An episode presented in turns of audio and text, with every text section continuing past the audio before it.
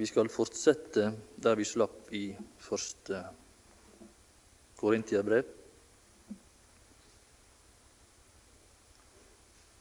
Der Paulus så at hans venner var blitt infiltrert og hadde tatt opp i sin tenkning altfor mye av den tankegang som den tid bød på. Den store by, det universitet, den tenkning som var rådende der, den hadde fått innpass i deres tanke og førte til handlinger som var fremmed for Kristi kors. Dessuten finner vi også at det var jødisk tankegods her i Korint. Ikke først og fremst eh, det at de var jøder, men de var troende som hadde en jødisk forståelse som dro med seg det tankegods inn i menigheten. Og dette ble et problem. Og Paulus polemiserer i dette brev imot begge kategorier, og også i det andre Korintiabrev. Og Paulus må gå veldig langt her. Han må gå så langt at han utleverer ting mot slutten av andre Korintiabrev som han slett ikke hadde tenkt, å tale om, bl.a. sine høye åpenbarelser og en del andre ting som han nevner der fra sitt liv. Men jeg ser det slik at, eh, at Gud la denne anledning i Paulus sin vei for at disse ting også skulle bli åpenbart, for at vi skulle få kjennskap til det.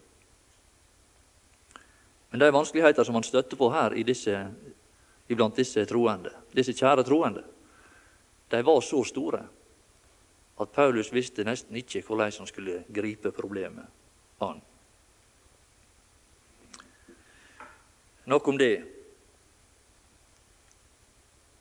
Det som han begynte på, det som han egentlig skulle gjøre, det var å svare på et brev som var kommet fra Korint til Paulus.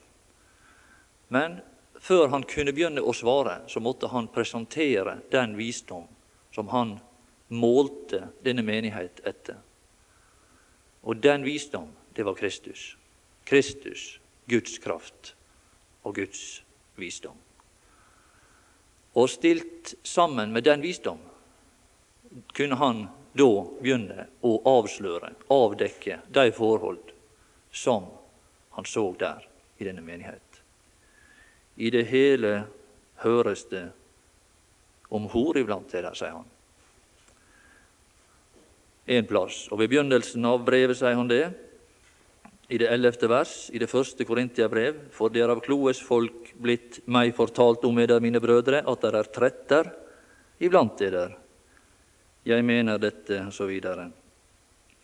Og så sier han det at i det tiende vers jeg formaner eder brødre ved vår Herre Jesu Kristi navn at de alle må føre den samme tale, at det ikke må være splid iblant eder, men at de må være fast forenet i samme sinn og i samme mening. Vi så at Paulus var veldig opptatt med denne strid der han nedbraut disse tankebygninger han taler om det, at han strei for å bryte ned disse høge festningsverk som mennesker bygd, der de har konstruert sine tankebygninger for å holde Guds godhet borte. Et produkt av menneskelig visdom. Og Dette blir da til høyder, står det, som reiser seg mot kunnskapen om Gud som for mange virker aldeles uoverstigelige. Og vi las der i andre Korintiabrev, tiende kapittel og det fjerde vers, dette. om høyder som reiser seg mot kunnskapen om Gud. Og Hvis vi går til ordspråket, finner vi også et ord der, litt merkelig ord. Kan lese det, se på det litt. I det 18. kapittel av ordspråket så finner vi der ei slags Her er en som bygger en slags festning. Den rikes gods er hans festning. Her finner vi en som sitter i Siborg, på sin haug, og tror det at han sitter trygt. Han sitter trygt der. Han har bygd seg sin borg. Det er hans festning. Og som en høy mur i hans egen tanke. Her finner du en tankebygning som blir til ei høyde som holder Gud på avstand. Min rikdom er meg nok. Min rikdom gjør at jeg kan se trygt på framtida. Min rikdom er god nok for meg. Og Vi kan finne flere slike i Skriften. Og det ser ut som vanntette bygninger som fortoner seg fra Guds verden, venner, som den reneste spindelvev fra hans verden. Og vi leser om en i Lukas evangelium som også hadde bygd si festning. Det var en slik mann som vi la oss om her. Og Det står i Lukas 12, vers 16, denne kjente beretning. Han fortalte dem en lignelse og sa, Lukas 12, vers 16, det var en rik mann hvis jord var godt. Og han tenkte. Og han tenkte. Han tenkte ved seg selv. Hva skal jeg gjøre? Så kommer det ut i handling. Hva skal jeg gjøre? Jeg har ikke rom til å samle min grøde i. Han sa, jo, dette vil jeg gjøre. Han så på sitt byggverk. Men hva så han når han så på dette byggverk? Hva så han dette, i dette byggverk? Han så, venner, det er ikke nok. Ser du? Det er ikke høyt nok. Jeg skal gjøre det høyere. Venner, jeg har funnet et annet byggverk. Jeg har funnet Guds byggverk. Jeg har flytta inn på en annen grunnvoll. Vi har flytta inn på et sted der jeg kan hvile. Jeg flytter inn, og så ser jeg på det byggverk, og så finner jeg ikke på seg det. Jeg skal bygge det høyere, for det er høyt nok. Det er ei bygning der jeg kan hvile, fordi det er ei bygning der Gud hviler. Og Da slipper jeg å snikre min egen tankebygning. Jeg slipper å bygge opp noe der jeg holder Gud ute. Jeg flytter inn i Guds bolig, der Gud er. Og Han er blitt min tanke. Han er blitt min festning. Men her er en mann som ikke fant hvile i sin bygning. Og han så, venner, han snudde seg, og han så på sitt gods. Så så han, så sa han det. Jeg vil samle. Ser du? Ser du? Det var ikke nok der heller. Jeg vil samle. Ja, jeg vil bygge større. Og mens han gjorde på begge disse deler, så holdt han på å snekre på talen som han deretter skulle holde til si sjel. Men jeg skal fortelle deg det, min venn, at før han fikk holde denne tale til si sjel, så var det en annen som talte. Og hva var det? Men så talte Gud til ham. Du du dåre. Den rikes gods er hans festning. Han hadde bygd seg ei festning der det ikke var rom for Gud, venner. Men jeg har hørt om ei festning, jeg har hørt om ei borg, om Guds stad, og der er det en totalt annen innstilling. Der er en som er rom for meg der, som er en dåre, som var en dåre, og som kanskje til og med fortsetter å være en dåre i mangt av det jeg gjør. er det rom for meg der inne, i Guds bolig. Du dåre, og det betyr en ufornuftig, en uforstandig. Det er det motsatte her i, i, i 1. Korintiabrev og ellers i Skriften, som står det som et motsetningsord til visdom. Det er det som er det motsatte av å være vis. Det er det som er motsetningen av å kjenne Kristus som Guds visdom. Du ufornuftige, du uforstandige, og da spesielt i motsetning til kunnskap om Gud. Du dåre, i denne natt kreves din sjel av deg. Jeg skal si det, der kom en fiende inn gjennom denne tankebygning. En fiende kom inn. En fiende kom inn. Og det var det den fiende som det står i sanden. Døden kommer først til hytten. Ja, det kan så være, men den kommer til kongens borg, samme hvor stor den er. Det er et byggverk av mennesket. Det er et byggverk av mennesket som for å holde noen ute. Og det holder ikke verken død ute, og langt mindre Gud ute. For Han skal finne oss i vår tankebygning. Og i den høyde som vi er framstilt mot kunnskapen om Gud, for den kunnskap, den skal innta alle festninger. Alle festninger skal den innta. Men det er det at vi har sjanse til å få nedbrutt det som er oppbygd av menneskelig tenkning i vår sjel mens vi ennå lever og ferdes her i dag. Og det gir oss en unik mulighet til å bygge noe nytt. Til å være besjela av en annen tenkning, og gjennom denne nye tenkning utføre, praktisere, bygge opp noe nytt mens vi ennå lever. Uten er det ganske mulig. Ganske mulig.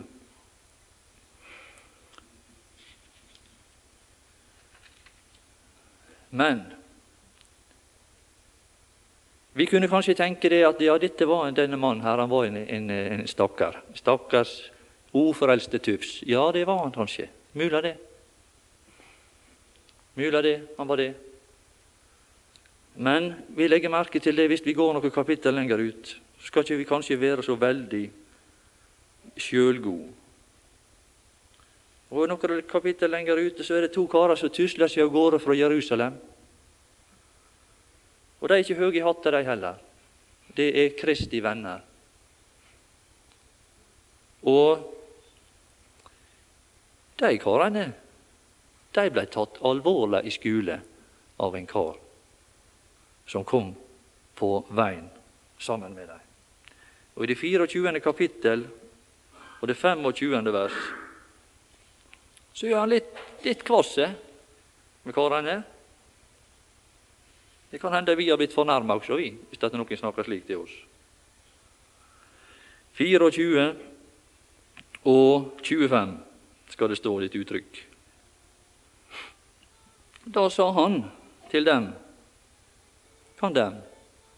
Ja, det er, det er kanskje to av apostlene. Det var, var muligens det. Det var iallfall troende som sto Jesus veldig nær, og som hadde gått sammen med han. Så sier han, Herren til deg, dere dårer. Dere dårer, troende. Altså, det er ikke bare Det er ikke bare en ufrelst som er en dåre, men en troende kan også være en dåre. Jeg kan være en dåre, og jeg er en dåre i mangt av det jeg gjør. Så opptrer jeg dåraktig, og det er det som er min sorg. Det er det som er min sut. At jeg ikke, for det første kanskje ofte ikke har kunnskap om ting, åndelig visdom å bruke. men også ofte det at jeg ikke bruker den visdom som jeg har.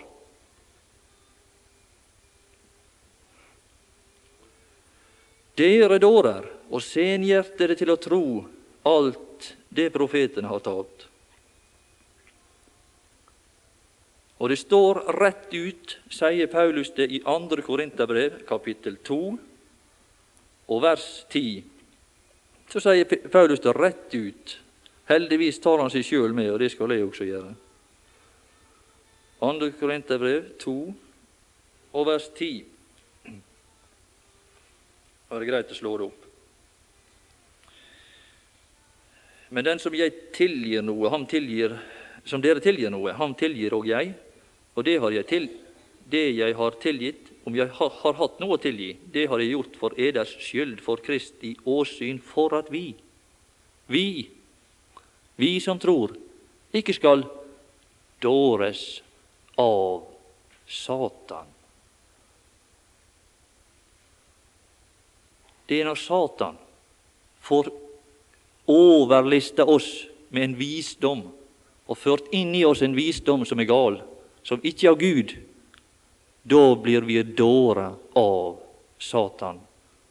Og det fører til, i vårt liv, fører det til en gal handling. En skadelig handling, en nedbrytende handling, en nedbrytende praksis. Og til ulykke for oss sjøle og våre omgivelser. Og til tap for oss sjøle og for Gud. For ikke ikke, står der i vers 11, er vi uvitende om hans tanker. Det er her det kampen står, venner. Det er om vår tanke. Det er det som blir til slutt produkt av det vi gjør. Hans tanker blir våre tanker, og da blir vi dåret.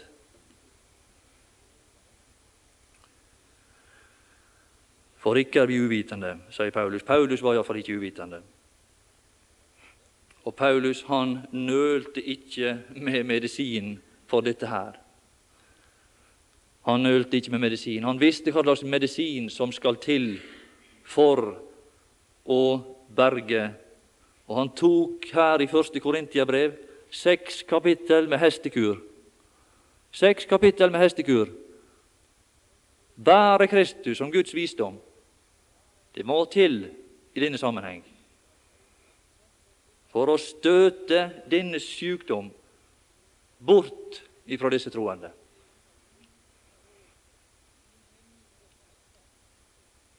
Og for at, det, at de skulle sjå at det som var blitt Guds realitet, skulle bli deres syn og realitet. For at det verk som Kristi kors har gjort og skapt fram for Gud, skulle bli det som ble deres opplevelse, nemlig det som står Gud har gjort verdens visdom til dårskap, alt sammen. Og da er det at vi kan stå sammen med, med Gud og se fra en vidunderlig fjelltopp. Og det er ikke så lett å komme til dette sted, tror jeg, egentlig, i opplevelsen. Og Jeg vil ikke si at jeg kanskje har stått der, men vi aner kanskje litt av disse høyder som det her dreier seg om. Da kan vi i samfunn med, med, med Kristi, eh, ved hjelp av Kristi kors og i samfunn med Gud og, og, og hva for ei anna kraft, venner, er det som er i stand til å løfte oss til, slike, til et slikt utsyn? Du vet at Når du skal gå opp på en fjelltopp, så er det kanskje så er det kanskje ei kraft som må føre deg opp der. Og vi sier det er tungt å komme seg opp. Men det er krefter i Kristi kors til å løfte oss til et nivå. Men når vi kommer opp, så kan vi skue utover. Det er, noe, det er noe med en fjelltopp. Du kan se utover. Du har et utsyn over ting som du ikke har når du er nede. Men det må ei kraft til for å løfte deg opp på dette nivå. Og det er det Kristi kors er i stand til.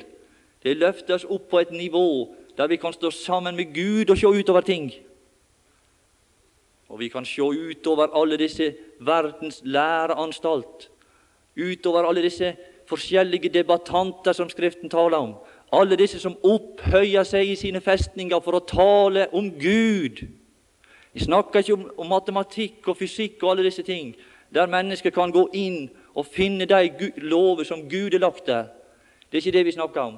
Men når disse her, i kraft av sine stillinger, står opp for å tale om Gud, da er deres vitnesbyrd lik null. Ingenting er deres vitnesbyrd om Gud. I kraft av sine matematiske eller fysiske eller vitenskapelige kvaliteter. Hvor er de, sier Gud. Jeg vil se karene i øynene. Hent dem fram, jeg vil se dem inn i øynene.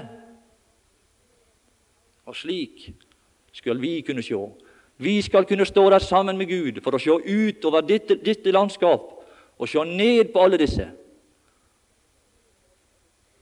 Og den dag, venner, skal vi for alltid bli kurert for å ta slik visdom inn i vårt liv for å benytte den til framgang for oss sjøle, enn sier i kristelig arbeid.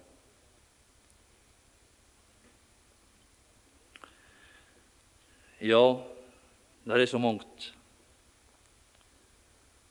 Kunne være frista til å, å nevne navn, men jeg skal la være. Hvor er en vismann? Hvor er en gransker i denne verden? Har ikke Gud gjort verdens visdom til dårskap, står det i det første Korintiabrev, første kapittel og 20. vers. Men hvordan, la meg nå spørre, hvordan er da realitetene etter alt dette? Har Gud nådd sitt mål? Har Gud nådd sitt mål? Har Han gjort denne verdens visdom til dårskap? Svaret er gitt her, og det er ja. For Gud fortoner det seg slik. Gud ser ikke noe stort i disse.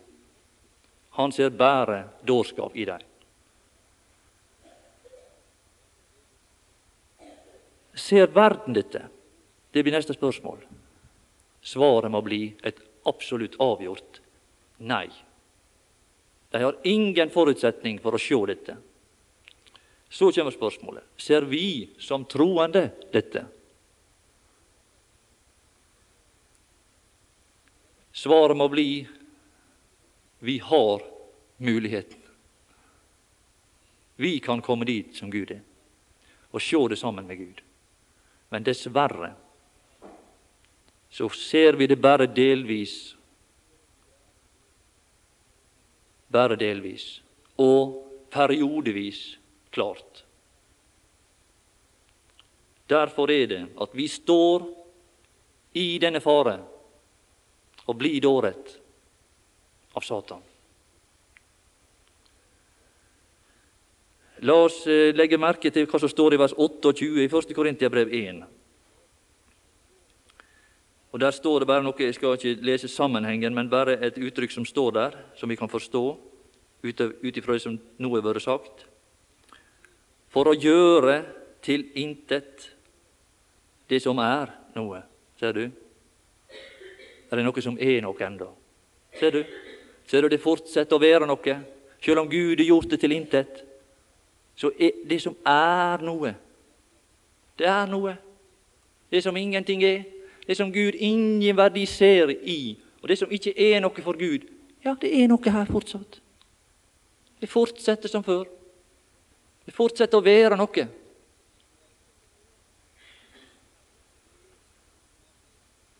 Og vi kanskje blir forledet til å tro og mene, og jeg også, at eh,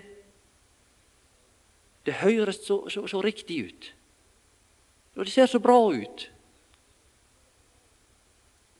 Det er noe. Det er noe. Også blant oss som tror, er det noe. Og det er det som er faren. Det er det som er faren, det er at det har en plass iblant oss ting som ingen verdi har, og som er uegnet som byggemateriale i Guds store sammenheng. Hva er resultatet? Hva er resultatet? Kristi kors taper si kraft. Ikke for Gud, men hos oss. det er det at vi kan stenge krafta ute ifra Kristi kors i vår midte. Det er det som er problemet. Vi må aldri tro at vi er så betydningsfulle at vi kan redusere krafta i Kristi kors for Gud. Og langt derifra. Men hos oss, i mitt private liv og i min menighet, kan jeg ved å ta inn menneskelig tenkning og menneskelige metoder redusere virkninga av evangeliet. Det er det som er det faktiske forhold. Og det var det som hadde skjedd her i Korint. Og derfor florerte denne menneskelige visdom. Fordi at Kristi kors fikk ikke lenger støte an mot de tanker som var der.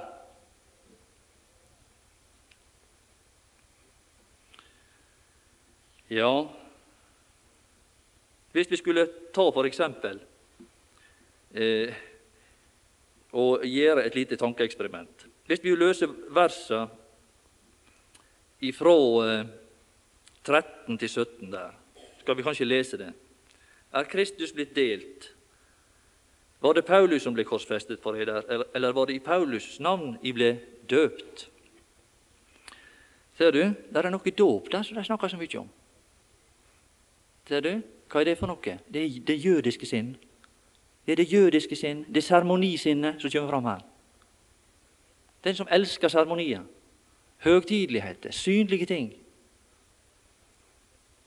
Jeg takker Gud at jeg ikke har døpt noen uten Krispus eller Gaius, for at ikke noen skal si, ser du, for at ikke Det var noe han ville ha vekk. For at ikke noen skal si at dere ble døpt til mitt navn, dog har jeg òg døpt Stefanos hus. Ellers vet jeg ikke at jeg har døpt noen annen. For Kristus har ikke utsendt meg for å døpe, ser du, men for å forkynne evangeliet. Og så kommer noe annet. Ikke med vise ord, for at Kristi kors ikke skulle tape, tape sin kraft. Og Hvis vi nå gjør et tankeeksperiment og tenker oss hva som egentlig er bakgrunnen for at Paulus skriver disse versene her, så vil jeg tro det at det kunne kanskje bli noe slikt som at eh, at de kanskje sa noe slikt som at å Paulus, det, vi, vi syns det er så høgtidelig med denne dåpen som vi har hatt her i menigheten vår. Det er så stas med disse seremoniene. Og særlig dette hvis kanskje Apollos tok og døpte en av oss, eller du, Paulus, eller en av de andre store predikantene som vi har hatt her, og som vi har her i menigheten. Og så Hvis vi kunne få litt mer seremonielle ting rundt omkring dette her, jeg synes, altså Menigheten her mener at vi burde kanskje utnytte dette litt mer. Og gjøre det litt mer stemningsfullt. Og få litt mer ritualer. Og dessuten, Paulus, så eh, synes vi i grunnen det at eh, du er litt lite elegant av deg når du er på talerstolen syns du gjør litt lite av det. Og Dessuten så er vi i grunnen enige også om det at du er litt sneversynt. Paulus. Så nå vil vi ta og oppfordre deg til at du benytter deg litt mer av den moderne tenkning som vi er så mye av her i Korint, og som vi er veldig stolt av i byen vår. Og vi synes også det at det er mulig å kombinere liten grann disse ting, slik at vi kan kanskje få litt mer folk inn på møtene våre. Vi syns du er litt sneversynt, Paulus. La oss da tenke at det er noe slikt som ligger til grunn for det som Paulus skriver her. Men det som Paulus gjør, det er at han tar fram sverdet. han. Og så slår han til mot begge disse tankeganger som vi her refererte til. Han sier det Kristus har ikke utsendt meg for å døpe. Han sier ikke det at vi ikke skal døpe. Men han setter dåpen, han setter seremoniene litt til sides. Hvorfor? For å føre Kristus tydeligere fram. Ser du? Han setter det seremonien til side. Det seremonielle, det synlige, så løfter han fram det usynlige.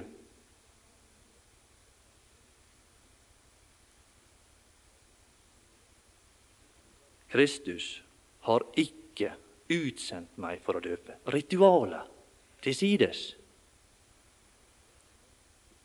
Og så, i 17. vers Kristus har ikke utsendt meg for å døpe, men for å forkynne evangeliet også, slår han til mot den andre side. Ikke med vise ord. Ikke med vise ord. Her slår han til mot den andre side. Her setter han verdens visdom til sides, og så løfter han Kristus, Guds visdom, fram.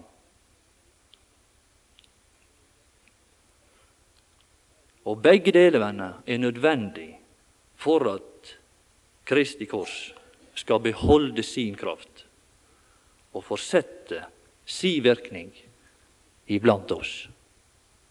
Aldeles nødvendig. Og etter at Paulus hadde sagt disse nei, ikke og nei he? Ja, det er kjekke kar. En populær mann ble han. Ja, han ble en populær mann. Og det blir alle venner som, som, som våger si nei i vår tid. De blir veldig populære. I begge leirer. Nei, det, han, det var det han ikke ble. Han ble ikke populær i noen av leirene, men allikevel så, så han i ta den belastning for at Kristi kors skal beholde sin kraft iblant dere. Vi tar den belastning.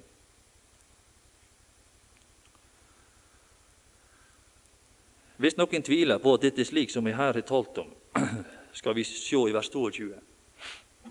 Der slår han til igjen. Ettersom både jøder Det er opprinnelig jøden. Men det viste seg det når menigheten kom til, så forsatte den jødiske tenkning å infiltrere menigheten. Og Det er den tenkning Paulus slår til imot.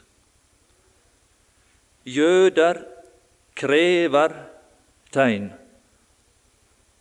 og grekere søker visdom.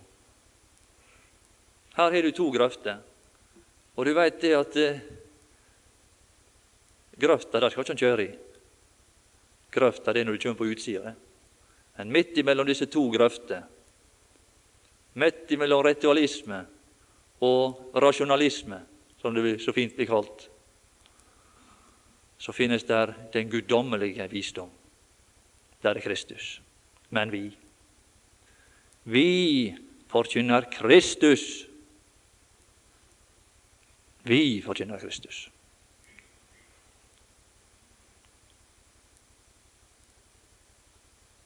Korsfestet. For jøder et anstøt, og for hedninger en dårskap. Og ikke bare for for jøder, ufrelste jøder, et anstøt. Men for til deres anstøt, som har et jødisk sinn i menigheten, og et anstøt for de troende hedninger som, het, som, som har tatt opp visdommen, og som er blenda av menneskelig tenkning. Det er det som er problemet.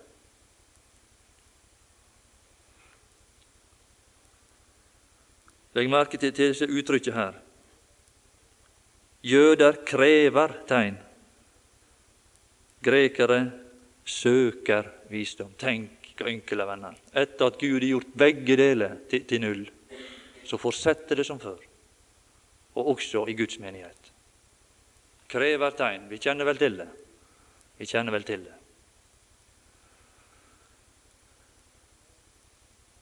Men Paulus han, venner, han fører Kristus og hans kors inn. Jødene de forsvinner med sine tegn. Likeså grekere med sin visdom. Men da, venner, er det det at Paulus har denne mulighet. Han kan føre Kristus inn igjen på en positiv måte For dem som er kalt, står det. For dem som er kalt i vers 24, både jøder og grekere. Når disse, begge disse to har tapt det de hadde, når han har fått støtt an imot vår tenkning, enten vi er et jødisk sinn eller vi har et hedensk sinn som er besmitta av hedensk tenkning, så kan vi ved å benytte oss av Kristi kraft og korsets kraft miste dette. Men da, da, venner, da blir Kristus vår nye visdom. Og jeg vil heller ha den. Jeg vil heller ha den. Og det er en visdom som har en evig kvalitet i seg, og som gjør at den som eier denne visdom, han kan bli evig bestående og evigvarende ved denne visdom i all evighet. For dem som er kalt, både jøder og grekere, forkynner vi Kristus, Guds kraft og Guds visdom.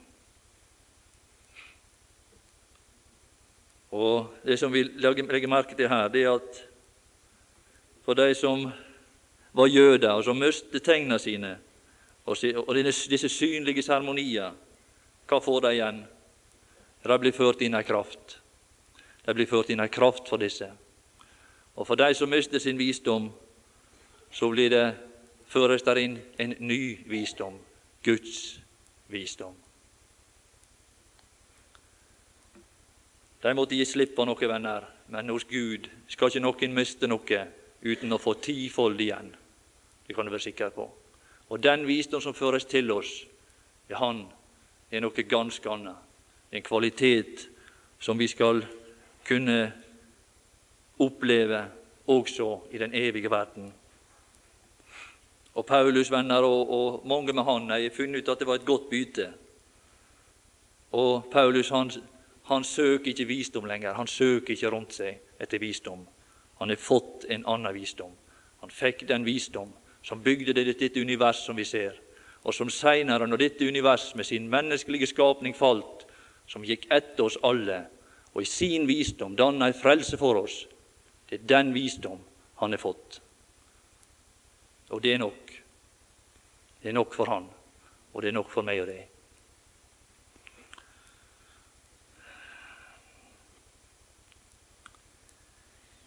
Ja, vi søker ikke visdom lenger, og vi fikk den som Gud hadde. Kapittel 2 i første Korintiabrev det viser oss kan vi si det, I det første kapittel så forteller han hvordan han handler.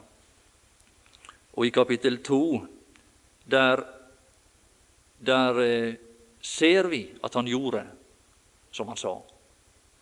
Det var ikke at han fortalte at det slik og slik skal det gjøre, gjøres, og slik skal det være.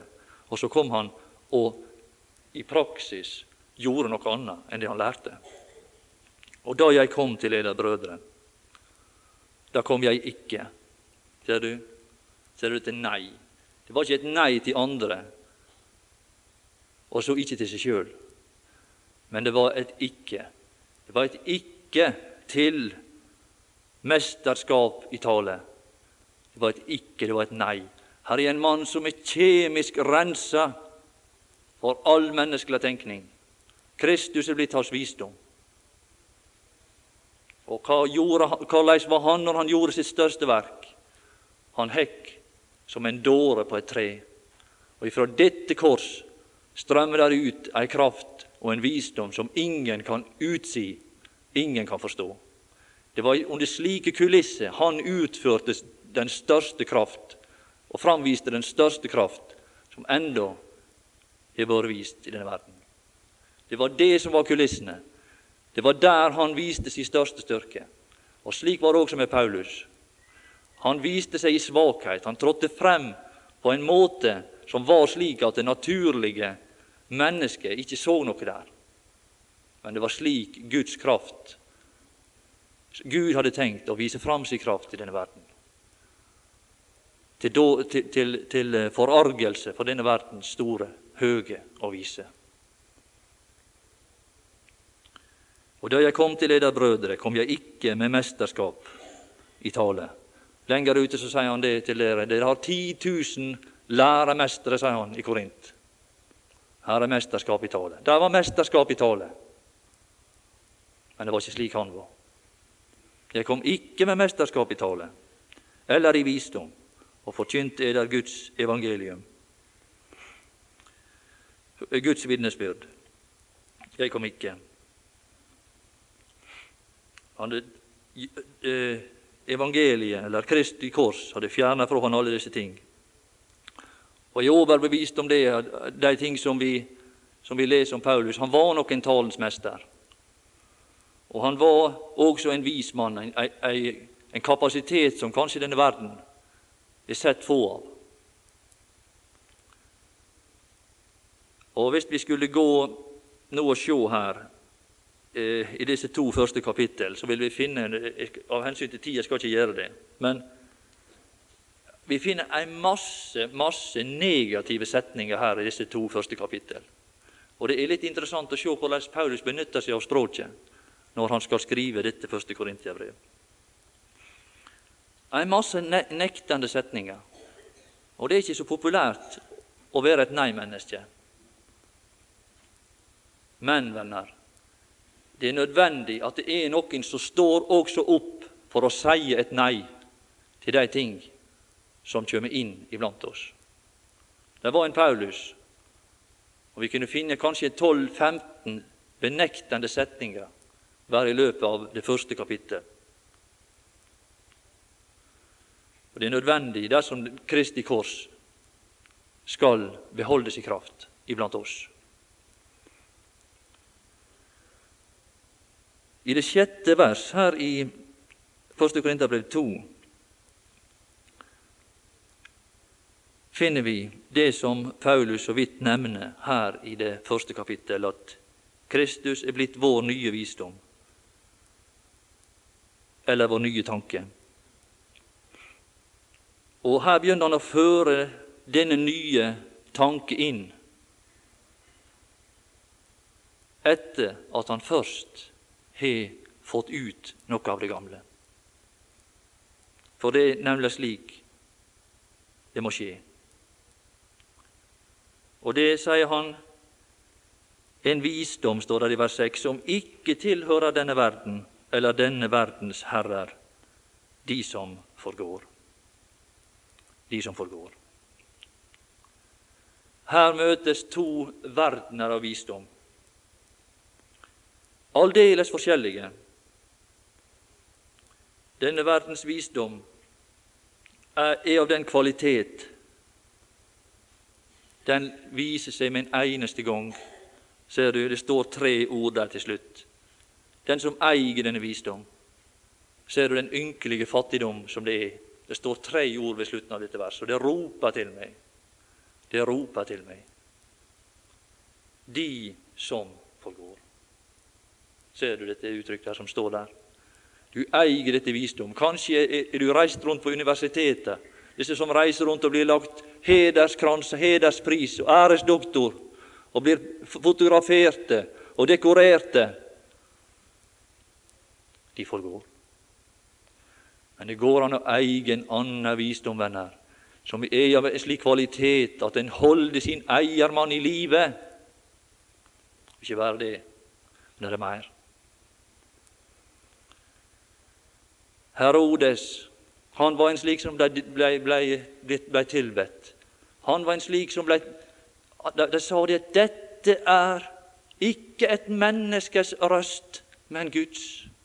Ja, Han blei dekorert, han blei tiljubla, han blei hausa fram, han blei heia opp. Hva gikk det med denne, denne visdom? Hva gikk det med han? Det står om det, at han blei oppspist av ormer. Står det om den mannen. Noen få, eh, eh, noen, noen få år, kanskje ikke sikker på tidsrommet der, så hadde han stått fram for en som er kalt visdommenn. Og han sto der, og han akta ikke så mye på han at han gadd å se på han en gang. Han sto fram for den legemliggjorte guddommelige visdom, og han akta han for ingenting, for en dåre. Hans skjebne er meg aldeles likegyldig. Om han blir korsfesta urettferdig, betyr jeg, bryr jeg meg ingenting om.